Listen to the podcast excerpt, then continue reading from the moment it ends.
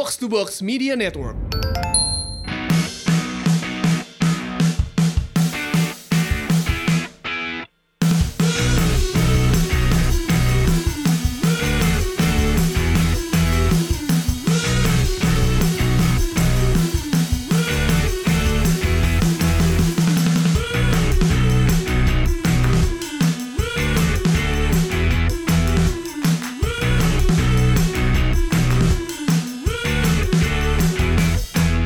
Pasti netizen banyak bacok nih lihatnya kalau di kolom komen YouTube nih, ya nggak? Oke, eh, lo semua ada di rumah sekarang? Rumah. Ada di rumah nih pangeran. Coach Justin gimana? Udah mandi? Udah aman. Itu kira-kira lo mandi mau ngapain ya coach ya tadi coach? Maksudnya lo tahu kan bahwa kalau mau Enggak, kayak gini mandi. gue sengaja karena tadi jam 3 gue on time kalian nggak ada. Gue tinggal aja biar kalian yang Lo kok jam nungguin gue. 3 sih? Jam 3 Tanya? Dex. Tiga mau uji coba tadi. Nah, Dicoba. Oh, Oke. oke oke oke. Udah nggak ada. Rumah sebagai profesional selalu on time. Nggak ada cuekin. Eh coach, sebelum kita mulai pembicaraan pada hari ini ada banyak pertanyaan yang di- yang ditunjukkan nasib taruhan kita apa kabar ya coach? Lo mau, lo mau bayar sekarang aja apa gimana? Lu jangan Kalau lo bayar- Enggak, lo enggak, enggak, sekarang- enggak ada cashback, enggak ada diskon, enggak ada, enggak ada, enggak ada. Enggak, enggak, enggak, enggak. Kalau kita kalau lo tunggu bayar aja sekarang, sampai gua sumbangkan, gua sumbangkan Nggak- tenaga kerja Gak usah kesehatan. bangkan atau gue gak peduli lu maunya gimana, pokoknya kita tunggu pengumuman. Udah itu aja. Yang sah, ikutin aturan, titik. Apa yang mau diumumin? Iyalah. Jadi kita mau ngomongin apa nih hari ini, guys? Kan Hah? kan kan kan Nostalgia, sebenarnya kan nostalgia. nggak ada ini ya, nggak ada nggak ada bola, nggak ada apa namanya, nggak ada pertandingan. Kayaknya kita mendingan retroaktif aja sih. Kita lihat ke belakang gitu apa yang kira-kira mendasari pengalaman lo nonton bola masing-masing gitu. Gue kemarin lihat video Coach Justin dia lagi bersabda di YouTube soal Johan Cruyff. Ada yang nonton videonya belum? Belum lagi gue. Belum belum. Gua- Tapi udah tahu ada Johan Cruyff. Pas juga momennya Gue mau nanya ke Kang Jalu sih. Karena kalau dari umur kan yang paling yang paling mendekati Coach Justin Anjir, kan ya. mendekati. Iya. Eh, Enggak, Enggak, soalnya bukan dari umur, kan- dari pengalaman hidup, dari ilmu. Nge, nge. Jarak Beda gua itu. ke lu lebih deket daripada jarak gua ke Coach Justin, nge.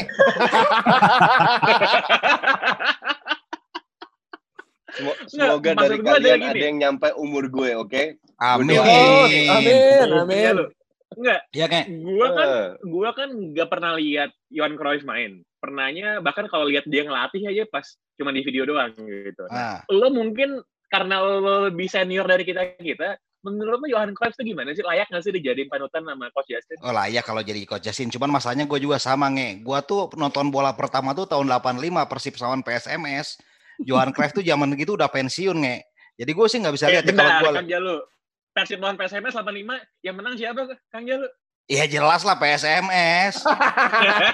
eh, kalau gua tuh dukung sama tim yang kalah duluan, nge. Gue suka Persib gara-gara kalah sama PSMS. Gue suka Jerman gara-gara kalah Loh, dari Argentina 86. apa, Pak? namanya juga namanya juga kardus, selalu cari tim yang menang. Yang penting Iya. menang. Ya, Betul, kardus kalau gua- begitu, biarin aja. Iya. Kalau gue lahir dari tim yang kalah. Nah jadi gue kalau Johan Cruyff gue nggak pernah ngelihat eh, dia main sih. Tapi kalau kata bokap gue yang pernah nonton langsung yaitu maestro lah di zamannya yang sing ada lawan kata bokap gue. Di- Sebenarnya eh, kalau dari permainan sih ya Maradona, Messi, Pele lebih bagus dari permainan ya. Cuman kalau kita kan lihat overall legasinya. Pele mana legasinya? Maradona mana legasinya? Gak ada. Johan Cruyff sampai detik ini. Mana legasinya lo denger Nah, nggak kan nggak ngerti kan? apa? Nah, Kak Kardus nggak paham ginian. Legacy. Kardus nggak paham nanya- ginian. Makanya dia nanya kalau lu Pele di kalau mana lu nonton gitu. video gue, Maradona baru lu paham. di mana? Itu hot take, Lo Bang. bisa melihat Ya ya ya ya ya ya ya. itu hot take ya. Itu hot take itu. Apa legasinya Pele sekarang gue tanya. Apa legasinya? eh, gini ya. Dan nggak suka jelaskan, nggak sama usah ketawa.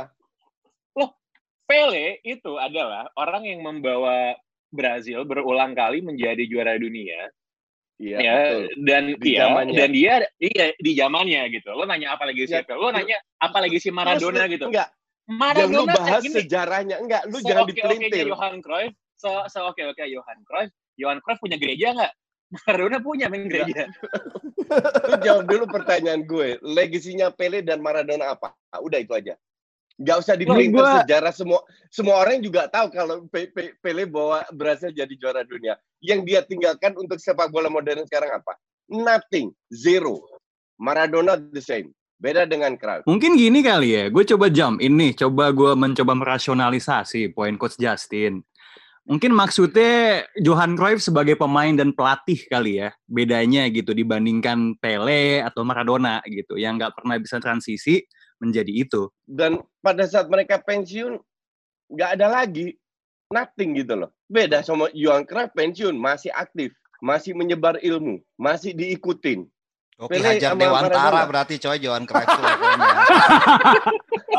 Pele sama Maradona cuma bisa ngandelin sejarah. Oh iya, pernah juara dunia. Angka kardus banget kan gitu. kan. Makanya gue bisa nama followernya Pange. Itu otaknya pada di mana semua itu. Terbuai dengan kata-kata manis, kata-kata indahnya Pange, langsung ke merasa, wah, mengikuti imam besar kardus. gue kalau misalnya gue ya, gue tuh tidak menafikan betapa berpengaruh Johan Cruyff gitu.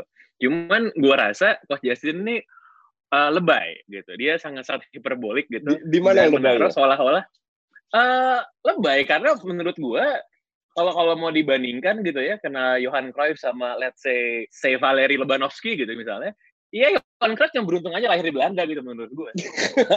Jadi dia terekspos oleh media barat menurut gue sama aja nggak ada It- bedanya. men. It doesn't matter lu lahir di mana. If you're good, you're good. Ah. Simple kan? Iya, iya oke. Cuman kalau kalau misalnya kalau misalnya buat gue kalau lo menanya dia legasinya dibandingin sama Maradona sama Pele, buat gue bahkan itu bukan sesuatu yang diperbandingkan. Gini deh, men- menurut lo nih, Cruyff sama Karena Johan Cruyff itu gak kardus, makanya lu susah terima.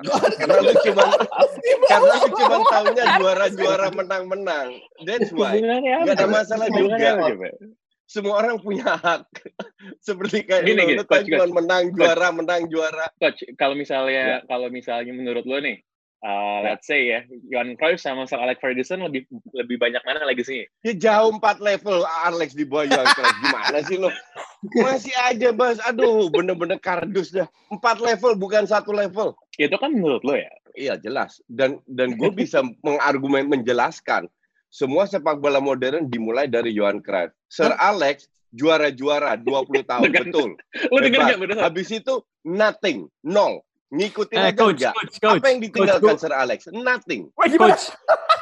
Tunggu, tunggu, tunggu, tunggu, tunggu, tunggu, tunggu, tunggu, tunggu, Ya, tunggu. kalau Coach, lu cuma bisa ketawa-ketawa doang nggak bisa ngejelasin. nggak, coach. Gue mau nanya Ya. ke lo deh, coach. Ya. Kalau kayak gitu lebih berpengaruh Johan Cruyff apa Rinus Mikel? Ya.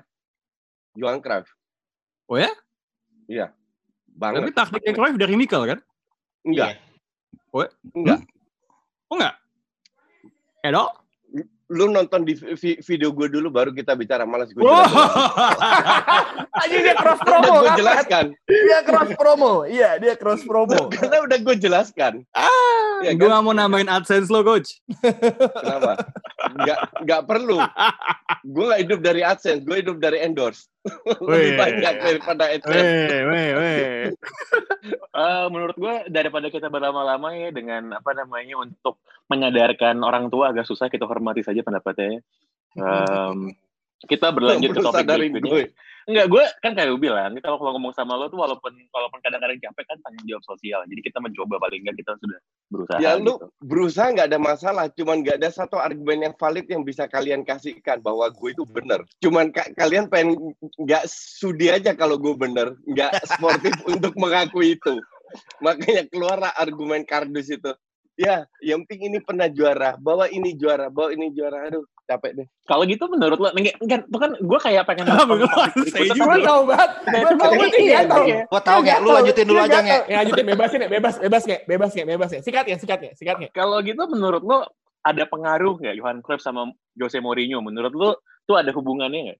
Nggak, nggak ada at all. Nggak ada. Kalau menurut lo nggak ada sama sekali. Johan Cruyff kalau sekarang melihat tim-tim yang main bertahan karena Mourinho pada juara-juara semua, bukan hanya satu tim Mourinho ya, tapi overall Jerman, Perancis dan lainnya. Kalau seandainya yang juara itu main dengan main bertahan, dia akan muter di di itu ku- kuburannya berbalik Soalnya- badan.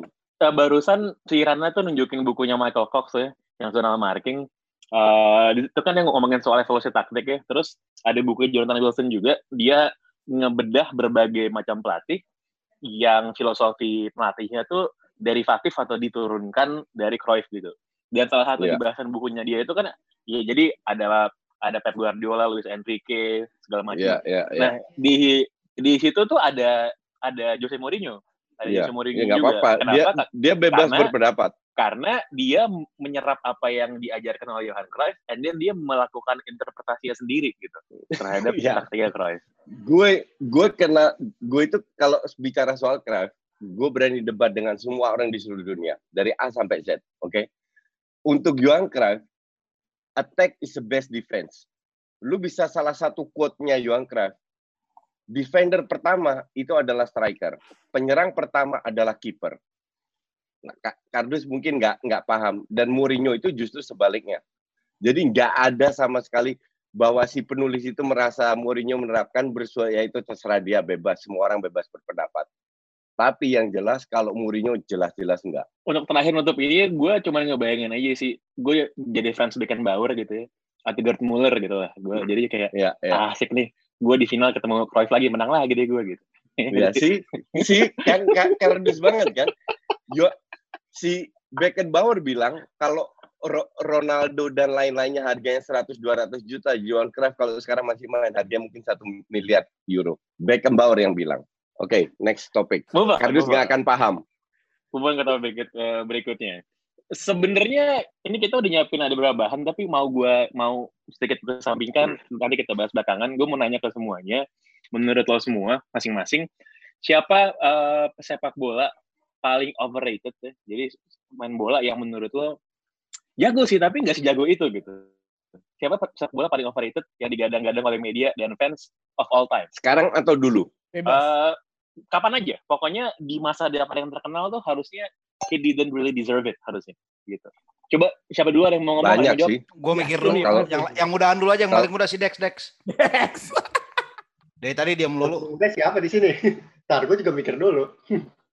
Lo kasih pancingan deh, Pang, siapa? gua kasih pancingan ya contoh misalnya Hmm. contoh Frank Lampard nah, Lu bilang Frank Lampard nggak sebagus yang orang itu. gua kan nanya itu gua jadiin parameter misalnya Frank Lampard Oke, oke, oke, oke. Atau enggak oke. Gua akan bilang Frank Lampard gitu, setuju.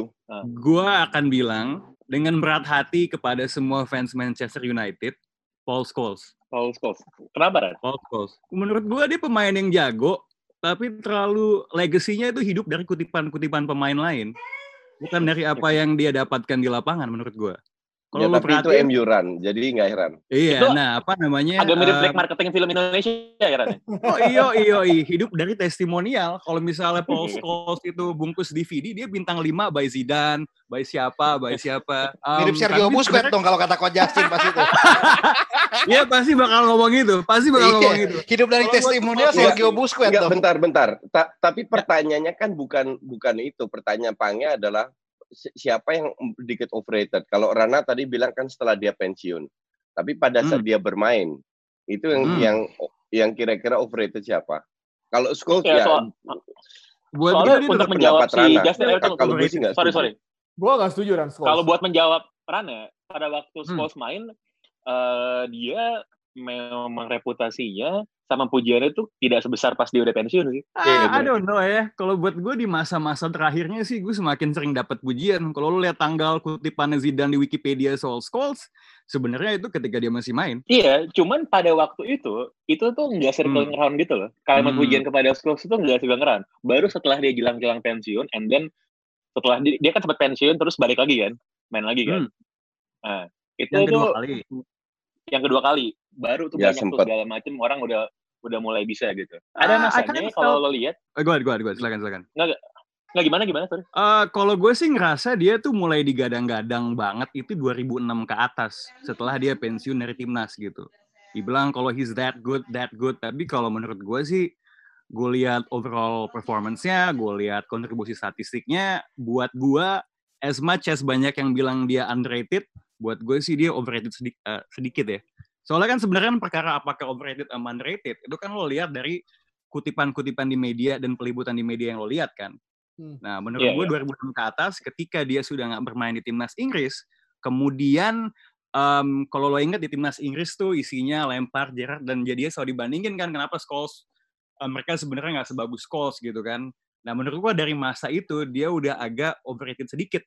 Kalau sebenarnya kita lihat kontribusinya dia di the biggest of games gitu, em, sebenarnya nggak terlalu oke ya. Dia miss uh, final Liga Champions uh, 99 karena akumulasi kartu. Um, paling sebenarnya momen dia yang paling gede itu semifinal kalau buat gue ya, semifinal Champions League leg 1 2007-2008 lawan Barcelona tapi Leg apart dua, leg from dua that, uh, leg 2, leg 2 yang dia golin uh, di Old Trafford kan. Tapi s- di luar itu sih buat gue he's a little bit overrated. Mungkin to your point, dia bukan yang paling overrated, tapi kalau buat penafsiran gue he's a little bit overrated. Kalau di timnas Inggris, Scholes sih Iya. emang saya saingannya kebanyakan. Tapi di timnas Inggris pelatih waktu itu bahkan Sven Goran Eriksson aja nggak bisa menggunakan Scholes dengan baik dan benar kan. Karena dia lebih Hmm. mentingin Gerrard sama Lampard. Scholes bahkan posisinya malah bisa jadi second striker atau di bawah dua striker Owen sama Shearer. Atau Jadi di kiri ya. kadang-kadang. Iya, itu yang ngebuat Scholes sebenarnya di timnas Inggris akhirnya dia mutusin pensiun ya do- bodo amat lah karena emang Iya, dia nggak bisa Iya, But that's dan- beside the point apakah overrated underrated gitu loh. Iya, Oke. tapi kalau gua Kang Jalu, Kang Jalu. Good, good, good. Yang mana yang skor? Kalau skor sih gue gua kan bukan yang overrated yang lain. Oh, gue Owen lah. Owen gue. Gue Owen. Oh, tahu. Lu lihat Owen, gue gua nggak tahu ya dari zamannya Liverpool ya, walaupun gue penggemar Liverpool. Owen sama Fowler tuh gue waktu yang kesel waktu Liverpool lebih mempertahankan Owen daripada Fowler loh. Menurut gue Fowler lebih jago sih daripada dengan Owen. Kalau Owen gue lihat golnya gitu-gitu doang. Gue setuju Kang Jalu. Eh, lu mah emang kita seumuran kok soalnya kok eh pantaran. Kang, Michael. Owen sama Ali Yudin lebih jago mana, Kang? Nggak enak gue kalau mirip-mirip cara mainnya kan? Aliudin gue kenal soalnya. Nggak, tapi ya gini, Owen tuh ya kalau lu lihat ya dia sangat terbantu lah sama barisan tengahnya. Lu lihat eh, kasih umpan daerah, lari, umpan daerah gitu gitu doang sampai kapan pun gayanya akhirnya kan dia nggak terbukti ketika pindah ke tim lain bisa sebagus itu sementara Ro- Robbie Fowler walaupun secara memang jumlah gol tidak sebanyak Ya. Owen tapi secara skill menurut gue sih oke Fowler. Kalau Betul. lu pindah ke mana ya? Pas itu ya? Leeds, ya, Leeds bukan? bukan? Leeds dulu Leeds. baru City. Leeds terus Man City ya? Leeds, Iya. iya. Yeah, that's why Fowler dipanggil Tuhan kan. Yoi. Tapi Tuhan di Inggris cuma satu ya. Jawa. Ingat, Matthew Letizier lah. Itu yang gue bilang. Kenapa nggak Hey, itu dipanggil Tuhannya timnas makan? Kentucky, Bung. Ya, Legar. nggak apa-apa. Justru itu Bukannya dia pernah dipanggil juga, pernah. Tapi kan sama tapi si nggak main kan? sama Glenn Hoddle dipasang di Glenn sayap Hoddle. kiri coach. Iya. Selalu Iya, salah pelatih Inggris lah ah dengan Lu paham lah kan coach Inggris tuh Iya, eh, ini banget terlalu terlambat lah perkembangan taktik aja Iya. kan. betul. 4-4-2 terus dipasang kan ya gitulah. Jadi tidak bisa memfasilitasi orang-orang pintar seperti Letizier. Owen Shearer. Lu masih inget dulu nggak kenapa Glenn Hoddle dipecat intermezzo? Itu Atau yang dukun? Yang yang invalid coach. Yang yang Nggak. apa Kayak invalid. dukun kan? Iya, heeh. Nggak, dia bilang dia bilang anak Down syndrome dan Nah, ya itu keterbelakangan itu. mental itu Betul. iya. adalah hukuman dari Tuhan. yes. Kena karma, Itu ya. ma- makanya dipecat. You cannot say that di dalam publik. Yes. Jadi Even Coach Justin tahu ya, lo lo nggak boleh ngomong gitu ya. yang yang kena karma sama gue udah banyak. Jadi gue nggak akan balas dendam, gue nikmati aja. Dex, gimana- Dex? Siapa Dex? Buat lo Dex. Buat gua pemain overrated tuh Robinho sih. Dulu dia digadang-gadangkan Oh, banget kan. Robinho. Oh iya. Ya, Ro- Dia tuh di Eropa juga. tuh pernah bener-bener bagus loh. Sebelum di Eropa dia Hmm. memang bagus ya. Di timnas mungkin oke lah. Tapi mulai dari Real Madrid, apalagi pindah ke Man City juga mahal banget. Sempat digadang-gadang jadi calon Ballon d'Or juga, cuman menurut gua dia nggak pernah bener-bener bagus. Tapi media selalu bilang dia bagus. Di video game selalu bagus skillnya. Nggak, yang yang bikin gue agak Oh, bingung a- adalah itu tim-tim nggak punya scouting apa. Michael Owen ke Madrid aja gue udah an- a- aneh banget. Men- Mereka itu nggak pernah nggak pernah scouting dan itu bukan pertama kali Madrid bikin blunder ya. Jonathan Wood Gravesen ke Madrid, terus eh, ex pemain Borneo itu ke Madrid. Gue bingung mereka itu nggak punya Julian scouting Faubert. apa. Julian Ya, Faubert. nggak nggak pernah nggak nggak bisa ngelihat bahwa ini pemain pas-pasan gitu loh Sam- sampai dibeli oleh klub-klub besar dan terbukti flop semua di di mana-mana mereka bermain flop. Tapi si Michael Owen itu ketika di Madrid, ketika dia starter, Madrid nggak pernah kalah loh. Bahkan El Clasico aja menang kan? Owen nyetak Ya, lagi. what what whatever lu lu kembali terlalu kardus, terlalu ngandelin data. Lu harus lihat gaya permainan Sebenarnya- bukan lihat data. Eh, eh, bintang, bintangnya Real Madrid Itu ketika Owen datang. data, tapi kalau Eh. lu nonton Iya, yang yang Ini- sebenarnya bintangnya Real Madrid zamannya Owen itu Jonathan Woodgate, yo. Wah itu legend cuy. Baru main Iya, kartu merah. Real Madrid tuh Woodgate. Main cedera panjang, sekali debut kartu merah. Kayak Jadi sebenarnya bukannya agak beda ya. Kalau misalnya pas zamannya Owen kan orientasi ke Galacticos sebenarnya. Cari pemain yang bisa jualan baju kan. Kalau yang Iya, agak aneh ya yang kayak Faubert tadi, kayak Woodgate tadi, pemain-pemain antah berantah yang lo nggak Eh, tahu Gravesen. resumenya apa terus dimasukin. Kalau Woodgate Ya, tapi time a- a- uh, apakah Owen bener-bener ngejual banyak merchandise? Nggak yakin juga gue. Ya, bisa Kalau- jadi sih. kalau Woodgate that Bad, time bad marketing kalau gitu. eh kalau Woodgate saat itu kan pas di Leeds United lagi bagus-bagusnya kan Bagus, tapi cedera panjang kan. Emang gambling aja Madrid itu. Itu overrated juga Woodgate. tuh. Si Emang gak ada bagus-bagus ya. Jonathan Woodgate tuh sama Matt Zelder di Madrid satu musim nggak sih? Sama Hmm. eranya nggak sih? Nggak tahu. Matt Zelder tuh iya, ada di kayaknya sama, Madrid sama, sama. ada ada irisan, ada irisan. Eh, Dia iya, kan, sama itu- Walter Samuel ya. Matt Selder Kalau masih Samuel tuh masih taran. Enggak, itu kan Matt Zelder tuh kayaknya sama-sama injury prone juga, sama-sama injury prone juga, jarang main gara-gara cedera. Lo mau tau nggak kalau misalnya buat gue sekarang ya, sekarang ini pemain paling yang menurut gue uh, overrated. Igalo. Uh, ah, oh kalau Igalo tuh worth every penny man, itu worth every penny. Kita lihat. Kita lihat. Igalo tuh nggak dibayar pun mau dia. Kalau menurut Ya, gue. kalau itu betul. gitu. Kalau Iya, itu iya, betul. gitu. Ah, gua pasang di Gitu. FPL tuh nggak main nggak nyetak gol melulu. Dia nggak Ya, bakal main di Premier League kan, nggak bakal main Premier League. Ya itu Europa gua League. salah. Europa League. Gua salah itu gua gue tuh dari awal dia gue lihat dia main nih sampai sekarang gitu gue nggak bilang ini pemain jelek tapi buat gue kayaknya dia karena prestasi timnya selalu bagus dia eh, dinilainya tuh lebih tinggi dari seharusnya. Iya, buat betul. buat gue tuh Antoine Griezmann Gua Antoine setuju. Gue sampai sekarang Kenapa gua, overrated? enggak gue ingat gak coach Gua- kita pernah tag pernah tag gue bilang sama lo kita mesti sadar gak sih Antoine Griezmann tuh mesti ada di Barcelona sampai Suarez cedera. Ini gue jelaskan boleh nggak? Ya boleh lah coach. Ini kalian itu kan kardus-kardus yang semua mengandalkan data, meng- mengandalkan gol. Ini gue jelaskan. Gue nonton every match of Barcelona. Ditanya, ini pernah gue berapa hari yang lalu, minggu lalu itu bahas juga di, di DPI. Gue bilang, performa dari Griezmann itu sangat penting di Barca. Kalau lu lihat, dia itu bekerja keras, di luar dia cetak gol ya, mungkin orang berharap punya sebuah harapan bahwa Griezmann datang akan menggantikan Suarez cetak gol banyak. Kalau dari situ, oke, gue setuju. Dia tidak berhasil, oke, tidak sesuai harapan lah. Tapi apa yang dia lakukan, dia itu bekerja keras yang yang orang tidak lihat dan tidak ada di data Tio. Dia itu sering membuka ruang untuk Messi, di mana Messi melakukan shooting atau end passing berkat kerja keras dia. Puluhan kali, mungkin ratusan kali dia buka ruang untuk Messi. Tapi orang nggak ngelihat situ. Karena kalau nggak nonton, nggak ngandelin data kayak lu, jadi lu nggak akan bisa menilai Griezmann. Jadi untuk gue Griezmann perannya itu sangat penting di Barcelona. Barcelona kita semua sepakat musim ini terseok-seok, oke? Tapi tetap ranking satu. Tuh kan, bentar, Busquets bentar. juga nggak kelihatan Kontribusinya berkat Griezmann. ya kan? Iya kalau gitu Busquets juga perannya nggak kelihatan ya. soal sesuatu yang Busquets- nggak kelihatan. Busquets lebih bagus musim ini. Oh dia bilang Busquets bagus, luar biasa. Iya. Enggak, gue nggak bilang enggak. Lu melintir terus. Lu dengerin, gue bilang Busquets lebih bagus, bukan berarti bagus. Ini yang yang baru tinggal berapa tahun di Indonesia kok lebih ngerti bahasa Indonesia. Atau tujuan lo emang selalu melintir sama kayak fans-fans lu semua pada. Tapi kan Busquets ada di di bawah kepelatihan yang lain-lain tuh ngaruh nggak? Ngaruh. Kan kan pelatihnya Barcelona udah ganti-ganti nih. Ya, ngaruh. Sangat berpengaruh. Oleh Setien, dia lebih digeser ke depan. Dan itu berpengaruh terhadap yang jadi masalah cuma satu pada saat di counter. Cuman counter attack yang dilakukan oleh lawan, mereka nggak tolol juga. Itu tidak lewat tengah. Jadi peran Busquets udah udah praktis nol pada saat counter. Mereka long ball atau lewat sayap. Berarti coach kalau Jadi bilang nggak lewat tengah, maka dari itu DM DM nggak benar-benar perlu. Yang di, maka dari itu Setien ngeliat itu dia geser Busquets lebih ke depan dari mana serangan akan lebih variatif. Dan dia berapa, berapa kali kasih end passing juga. Tapi ya Berarti kalau dengan gaya bermain Setien harus waspada back four-nya harus waspada dengan counter. I see. Berarti dulu kalau coach bilang Busquets jelek, berarti pada masanya siapa? Guardiola berarti, terutama. Yang paling jelek. Enggak. Setelah antara Guardiola dan Setien Berarti Berarti itu Valverde. Enrique, Valverde, dan lain-lain. eh, siapa tuh orang Argentina? Martino, Tata Martino, Tata Martino. Almarhum Villanova. gitu. almarhum Tito Villanova. Ya, udah jawab semua lu sih? Tio nih belum jawab Tio. Gue, uh, Royston Drenthe ya. Anjing Royston Drenthe. Yang pas ke Real Madrid Ya. ya, yo. Itu juga. itu itu sa- Sama salah ini, satu Gue gue gue gue dari dua coach gue mau nanya. Satu Royston Drenthe, satu ini eh, pemain Belanda Andy van der Meijde. Van der Meijde.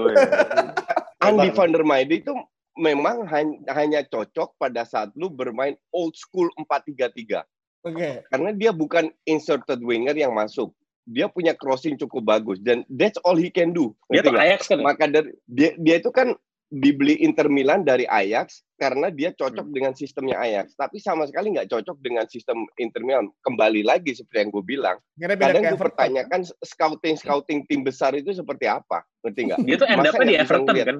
Dan dia jarang main juga di Everton. Everton. Iya, iya, Everton ya terakhir. Ya. Cedera mulu.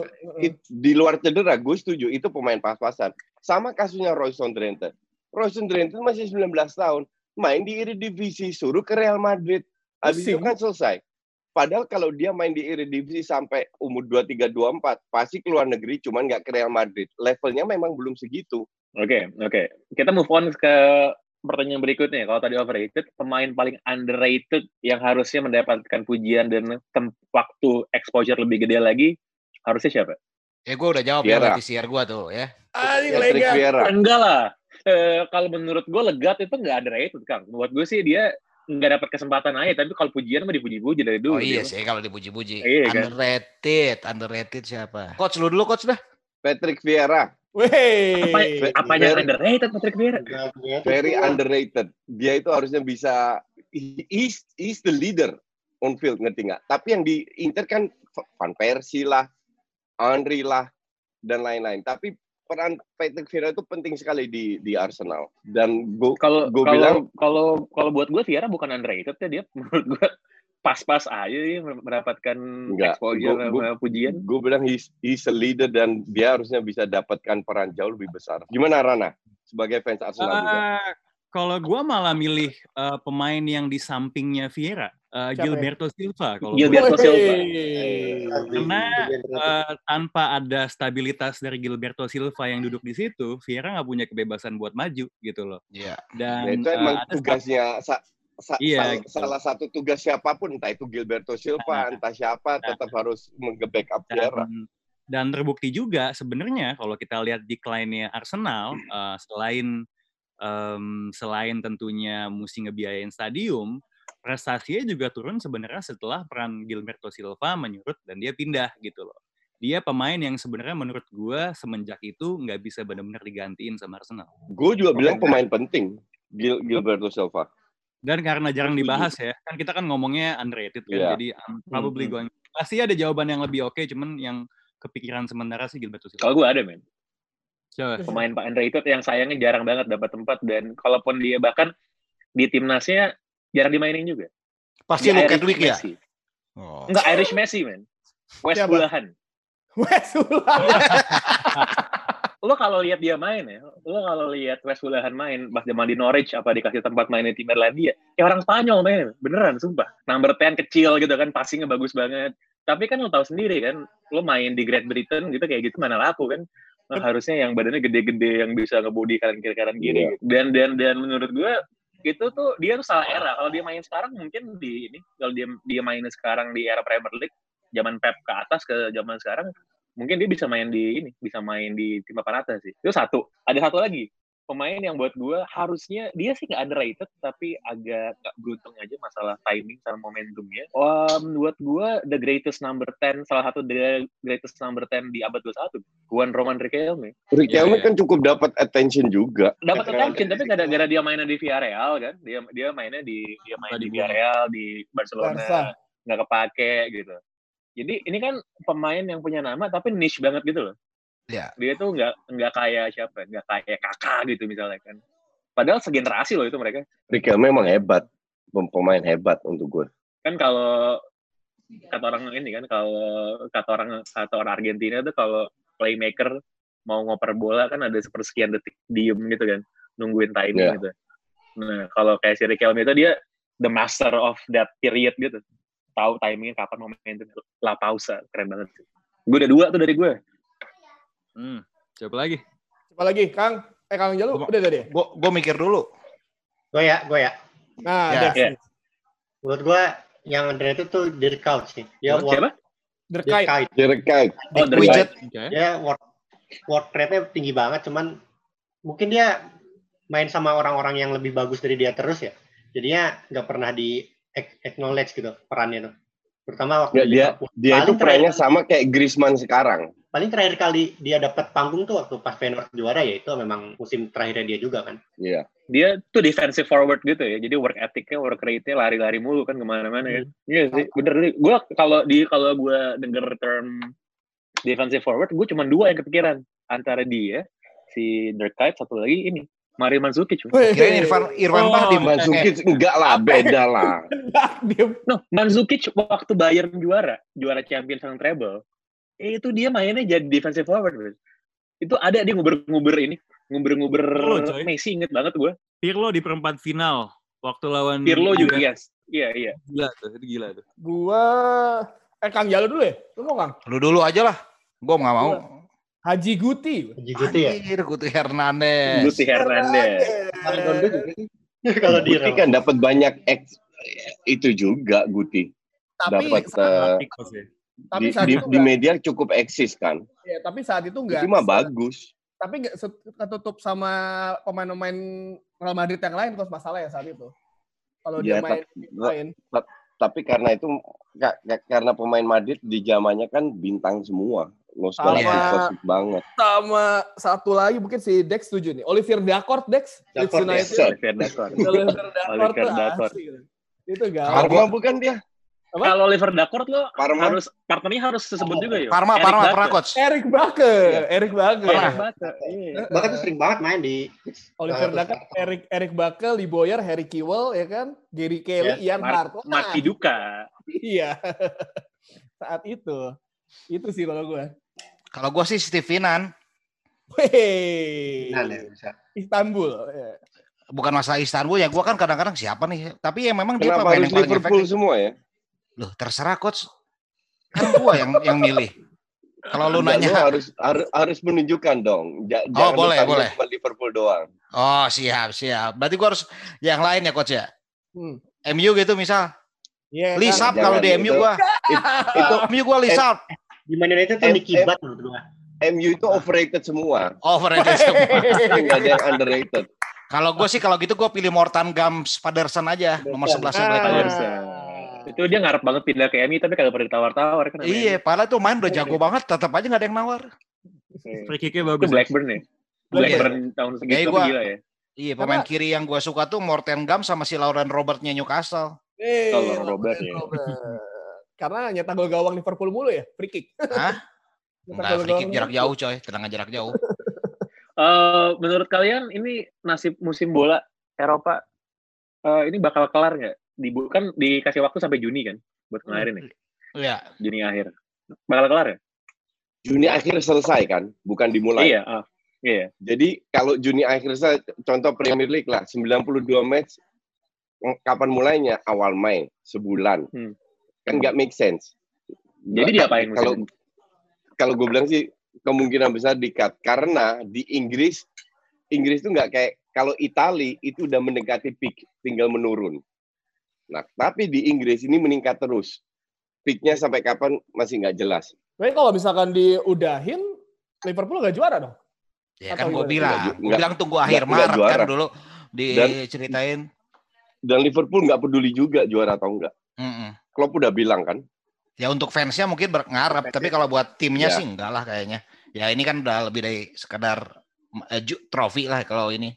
Gue no comment ya. Gua- itu. Ska- Ya sekarang paham lah. Liga Amatir udah diberhentikan di di Inggris. Tinggal tunggu waktunya aja. Kayaknya Ronaldo main ke Belarus aja lah entar sama Messi. Belarus masih aman tuh. Kayak ini kan kayak waktu Liga Indonesia di stop main di Timur Timur semua. Yo, di Eropa nggak kenal budaya tarkam sih, yo. iya. Eh mau main tarkam gimana? Nggak bisa keluar. Gak gaji udah gede mau nggak apa. mau nge-jinx nih, takut karma nih. Gue no comment. Gue gue No comment deh. Dia Kalau lagi saat-. Kalau kalau lagi kalau lagi saat kayak gini untuk bicara bola tuh nggak penting. Kita ngomong kemanusiaan aja sekarang. Iya. Jelas. Cuman Eh, gua Cuman apa coach? dan apa namanya si presidennya La Liga juga ma- maksa diterusin. Ini kan cuma masalah komers komersial faktor aja, di mana TV rights, sponsor dan lain-lainnya. Cuman gue bilang s- la- Spanyol itu Spanyol sama Italia udah ngelewatin Cina ya, udah gila itu. Amerika, parah nomor satu sekarang itu. coach. Amerika nomor satu sekarang. Dari meninggalnya, bukan Oh. Amerika nomor satu. Oh, Itu udah top top tiga lah, top empat. Meninggalnya kan gila banget tuh. Kalau lu kena Amerika nomor satu betul, tapi Amerika meninggal baru seribuan, seribu seratus something. Tapi kalau lu kena kan lu bisa sembuh. Tapi kalau meninggal itu kan udah fix. Dari antara semua so- semua tim di ini semua tim di Champions League ya, yang masih nyisa yang bener-bener paling kena banget kotanya itu Atalanta ya kasihan banget ya. Yep. Bergamo kan. Iya.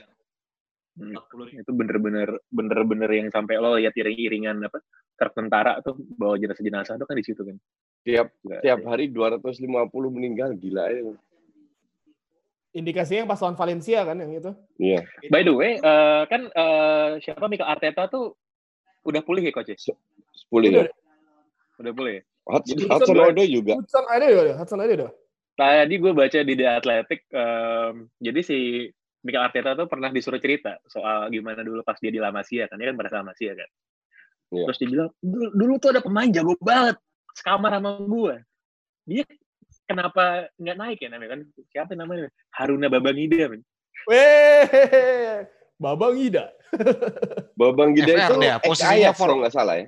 Iya. Buk- Eh, iya, itu iya, Tijani iya. coach. Yang yang ex kalau Tijani. Tijani, ya, ya, ya. Kalau yang ini Haruna. Tijani, iya. Haruna sama Tijani ada ini. Udah gitu kalau lo baca tulisannya si Haruna Babangida itu dia tuh kayak marah-marah gitu. Gue tuh harus gue gue tuh jago banget. Kalau gue dikasih waktu main tuh gue pasti bisa terkenal banget gitu kan. Nah pelatihnya Ajax, eh sorry pelatih Barcelona waktu dia di Barcelona adalah Louis van Gaal. Mana bakal dikasih. Maksudnya kalau banyak gaya gitu kan Pemain gitu selesai sama Van Gaal. Kelar, kelar urusannya kelar, kelar.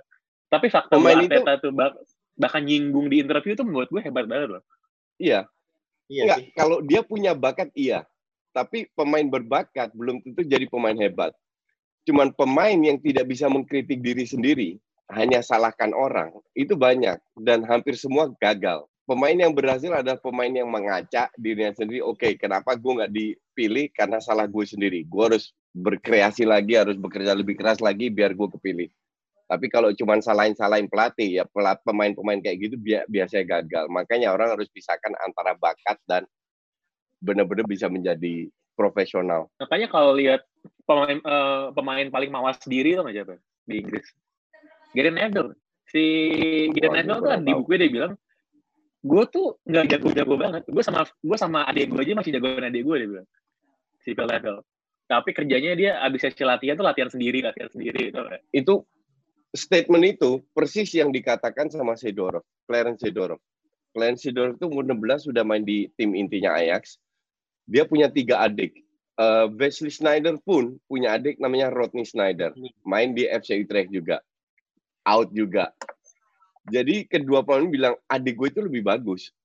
Cuman ya karena itu lu tanya waktu dia pertama kali jadi pro- profesional, lu merasakan lu punya youth nggak sama wartawan di ditanya gitu ke We- Wesley Snyder. Dia bilang "Ma- masa muda itu apa artinya? Gue umur 12 sudah fokus ke sepak bola, dia bilang. Temen-temen gue ke klub dugem dan lain-lainnya, gue tetap latihan. Gue nggak pernah ikutan. Jadi gue nggak pernah punya masa muda karena fo- fokus ke sepak bola. Maka dari itu lu lihat lu kalau lihat lihat dia sekarang gendutnya minta ampun padahal baru pensiun. Gue gue rasa dia mau nyalip masa mudanya tuh. Siapa sih Dor? Itu jadi. S- Snyder, Snyder. Oh Snyder. Dan itu adik-adiknya juga hebat. Kelar 2010 tuh ka- karirnya bubar ya. Pantesan gua gendut ya. Apa? Masa muda gua pernah berlatih kurus? terus. Pernah coach Emang lu pernah 54 gua lulus SMA gua 54. Gue sih pernah lihat foto Kang Jalu pas muda sih. Kayak eh, emang gue kelihatan lah kenapa digandrungi wanita lah. Gue ngerti. Iya kan? Oh iya. Wanita berumur. ya, ya, ya. Nah, lo harus tek- tekanin itu. Kita masih punya 10 menit lagi nih sebelum kita harus menyudahi sesi ini. Ini kamera gambarnya nge-lag nih. Oh, masih kedengeran nggak? Aman, aman, aman. Gue gue lima Hmm. menit lagi off ya karena gue mau ke DPI Ngapain sih kok Ya. ya. DP itu? Hmm. langsung. Langsung switch kan coach, tinggal switch doang. Se- Sebentar katanya mau live tadi, ntar gue cek dulu. Ini juga live coach. Iya. Kan tinggal switch doang. Gue, by the way ada yang nanya, apa ada yang komen di Twitter. Ayo dong lebih sering lagi dong nongol di YouTube gitu, jangan kalah sama DPI gitu kan katanya gitu. Terus gue bilang enggak lah kita nggak akan muncul di YouTube ngapain? Kan kita nggak ada partneran sama YouTube, sementara kita partneran sama Spotify. Yeah. Sobat podcast terakhir, Spotify. terakhir, terakhir, terakhir. Sebelum kita menyudahi sesi yang sangat tidak berguna ini sebenarnya, tapi Iya, Kita sangat tetap sangat harus mem- menyimpang, menyimpang Ah. dari apa? Dari rundownnya Dex. uh, Lagian bahas Serie A nggak penting banget. Pokoknya bukan gue yang ya, ngomong ya. Jadi kalau lo fans Juventus, Milan, ngomong ya. Inter, uh, Lazio, Parma, Roma, lah lo caci maki aja nih, Coach Justin nih. Bilang nggak penting. Um, Serie A tuh seru nonton loh, menurut gue sekarang-sekarang ya. Karena ugal-ugalan mainnya. Asli. Musim lalu kan Persis bu- kayak tahun lalu waktu kita siaran kan. Eh, iya, iya. Empat tiga Empoli apa waktu itu kita musim lalu. Empol, eh, gue lupa. Semua kita siaran dan semua Iya, nyerang tanpa sama siapa koordinasi, gitu. semua bertahan tanpa, tanpa koordinasi. yang Terakhir, terakhir, terakhir. Di era krisis seperti sekarang ini, siapa satu pemain bola yang lo pengen lihat dia jadi pemimpin bangsa lo gitu. Baru kalau gue pemimpin pemain bola ini pasti gue merasa terlindungi gitu. Bener-bener leader. Bener- Bener-bener leader gitu loh. Yang masih hidup berarti ya. Enggak, kita itu sering mengidolakan pemain bola, tapi pemain bola itu kan lulusan SMA, kad- kadang Ini SMP, pertanyaan hipotetis terus nih. Orang nggak tua punya leader rela- juga, nggak punya leadership juga, terus lu mau dipimpin sama orang kayak begitu. Mereka cuman good in one thing, seperti Klopp bilang, main bola, udah that's it. Ini Coach Jason kalau lagi nongkrong sama temen-temennya ngomongnya apa ya? Gue gue pengen tahu deh. lu kan kita kan belum kita belum sampai tahapan itu, nge. Jadi kita belum tahu jok bapak-bapak tuh kayak apa kita belum paham. Gue siapa Jangan ya? pertanyaan gue ditungguin orang. Iya, gue lagi mikir, lagi mikir cari yang galak-galak dikit gitu siapa ya. Yang udah ada Eh, contoh ini, nyatanya. ini masih aktif atau yang udah pensiun? Bebas. Yang Bebas. penting punya leadership gitu. Lo pengen lihat dia contohnya, jadi kan? menteri kesehatan lo gitu. Eh, Menteri Kesehatan apa Presiden? Iya, Presiden udah ada contohnya, Jadwal ya. Pokoknya Kalau pe- pemimpin pada saat krisis. Kalau misalnya Menteri Kesehatan, gua akan bilang Hector Bellerin. Vegan, vegan. Vegan, SJW, fashionable. Hmm. Maksudnya gayanya tuh nggak apa ya maskulinitas toksik lah, agak agak woke dikit lah. Jadi agak beda sama Hmm. tipikal-tipikal pemimpin yang udah agak basi gitu. Gue kalau menteri kesehatan tuh nggak, wah harus yang kalem tapi berkarisma. Giuseppe Bergomi. Gue. Gumi. Oh kalau kalau kesehatan ini mah ada Traore lah. Oh iya, jelas ada Ahmad Traore. Disep coy. Ada Traore tuh, tapi gue curiga ya, steroid nggak sih? Enggak kayaknya dia latihan. Kelihatan gede banget anjir badannya. Ada Traore tuh, tapi kalau cut writer di Atletik tuh si ada Traore tuh punya tricep di tempat yang nggak seharusnya tuh. Eh, ini di YouTube komennya bilangnya Flamini. Oh soalnya Kalau Matteo soal Flamini, ekonomi invest soalnya dia. dia dia tuh dia tuh menteri ekonomi. Flamini itu ini sih dia tuh bisa bi- bisa bikin venture capital sendiri sebenarnya kalau dia mau sih. Dia Hmm. paling kaya kan sebenarnya. Kaya Iya. dia. Kalau Kaya di basket kalau ini Ran, kalau di basket tuh perusahaannya. Jose Calderon.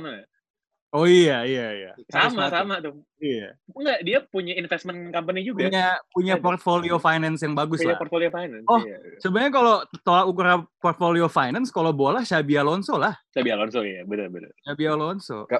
Kalau di basket setahu gue lebih banyak yang punya investasi gituan Iya. da- daripada bola. Pada bisnis semua. Kalau Iya di gua era sih yang sekarang-sekarang sih. Ya kalau era sekarang sih gue Iya. menteri keuangan, menteri keuang, eh menteri perdagangan Mike Ashley lah. Bukan main bola tapi dia. Pemilik. Eh pemilik klub ya nggak apa-apa terserah. Tapi kalau Kayaknya, Kalau model-model Mike Ashley gitu, kalau lagi krisis sekarang itu pegawai di rumahnya nggak dibayar gaji, ya, yakin gue. yo eh hemat masih buat buka. dia. Mereka masih Masih jalan buka kan? kan di Sports Direct-nya? Iya. Masih buka. Sebelum kita bubar ada kata-kata perpisahan. Coach Justin lah. Ini coach ya kan eh, terakhir kali dunia krisis eh, kesehatan kayak gini kan Spanish flu ya tahun 1918 kan. Eh, lo udah hidup belum tahun segitu? itu apa kira-kira ujangan-ujangan yang bisa diberikan kepada generasi muda coach? Nih. Jari tengah. Guys yang lain Oke. ada apa yang mau disampaikan Ya. kepada para netizen? See you when I see you. Bye. Jadi kabur. Ya, Kabur nih, kabur hati-hati coach ya. Nah duluan dia. Kita ngomongin Justin aja deh. nggak apa-apa dia kayaknya legend dia emang. Dia sama Johan Cruyff gue nggak tahu kenapa. Padahal dia kan penggemar Utrecht ya. Kok bisa demen banget sama Ajax itu kan Ajax. sebenarnya aneh juga loh. Dia demen lo Belanda. lo harus lihat mukanya dia sih yang pas dulu pas dia masih punya kafe itu kan Hmm. di apa namanya di kafenya kan di temboknya ada mural pemain pakai yang baju iya. orange. Ya, lu bilang Ismet 14. Sofian ya? Bukan gue yang bilang, ada wartawan datang. Oh iya. Penggemar Persija ya coach ini Ismet Sofian gitu di mukanya merah. Gitu.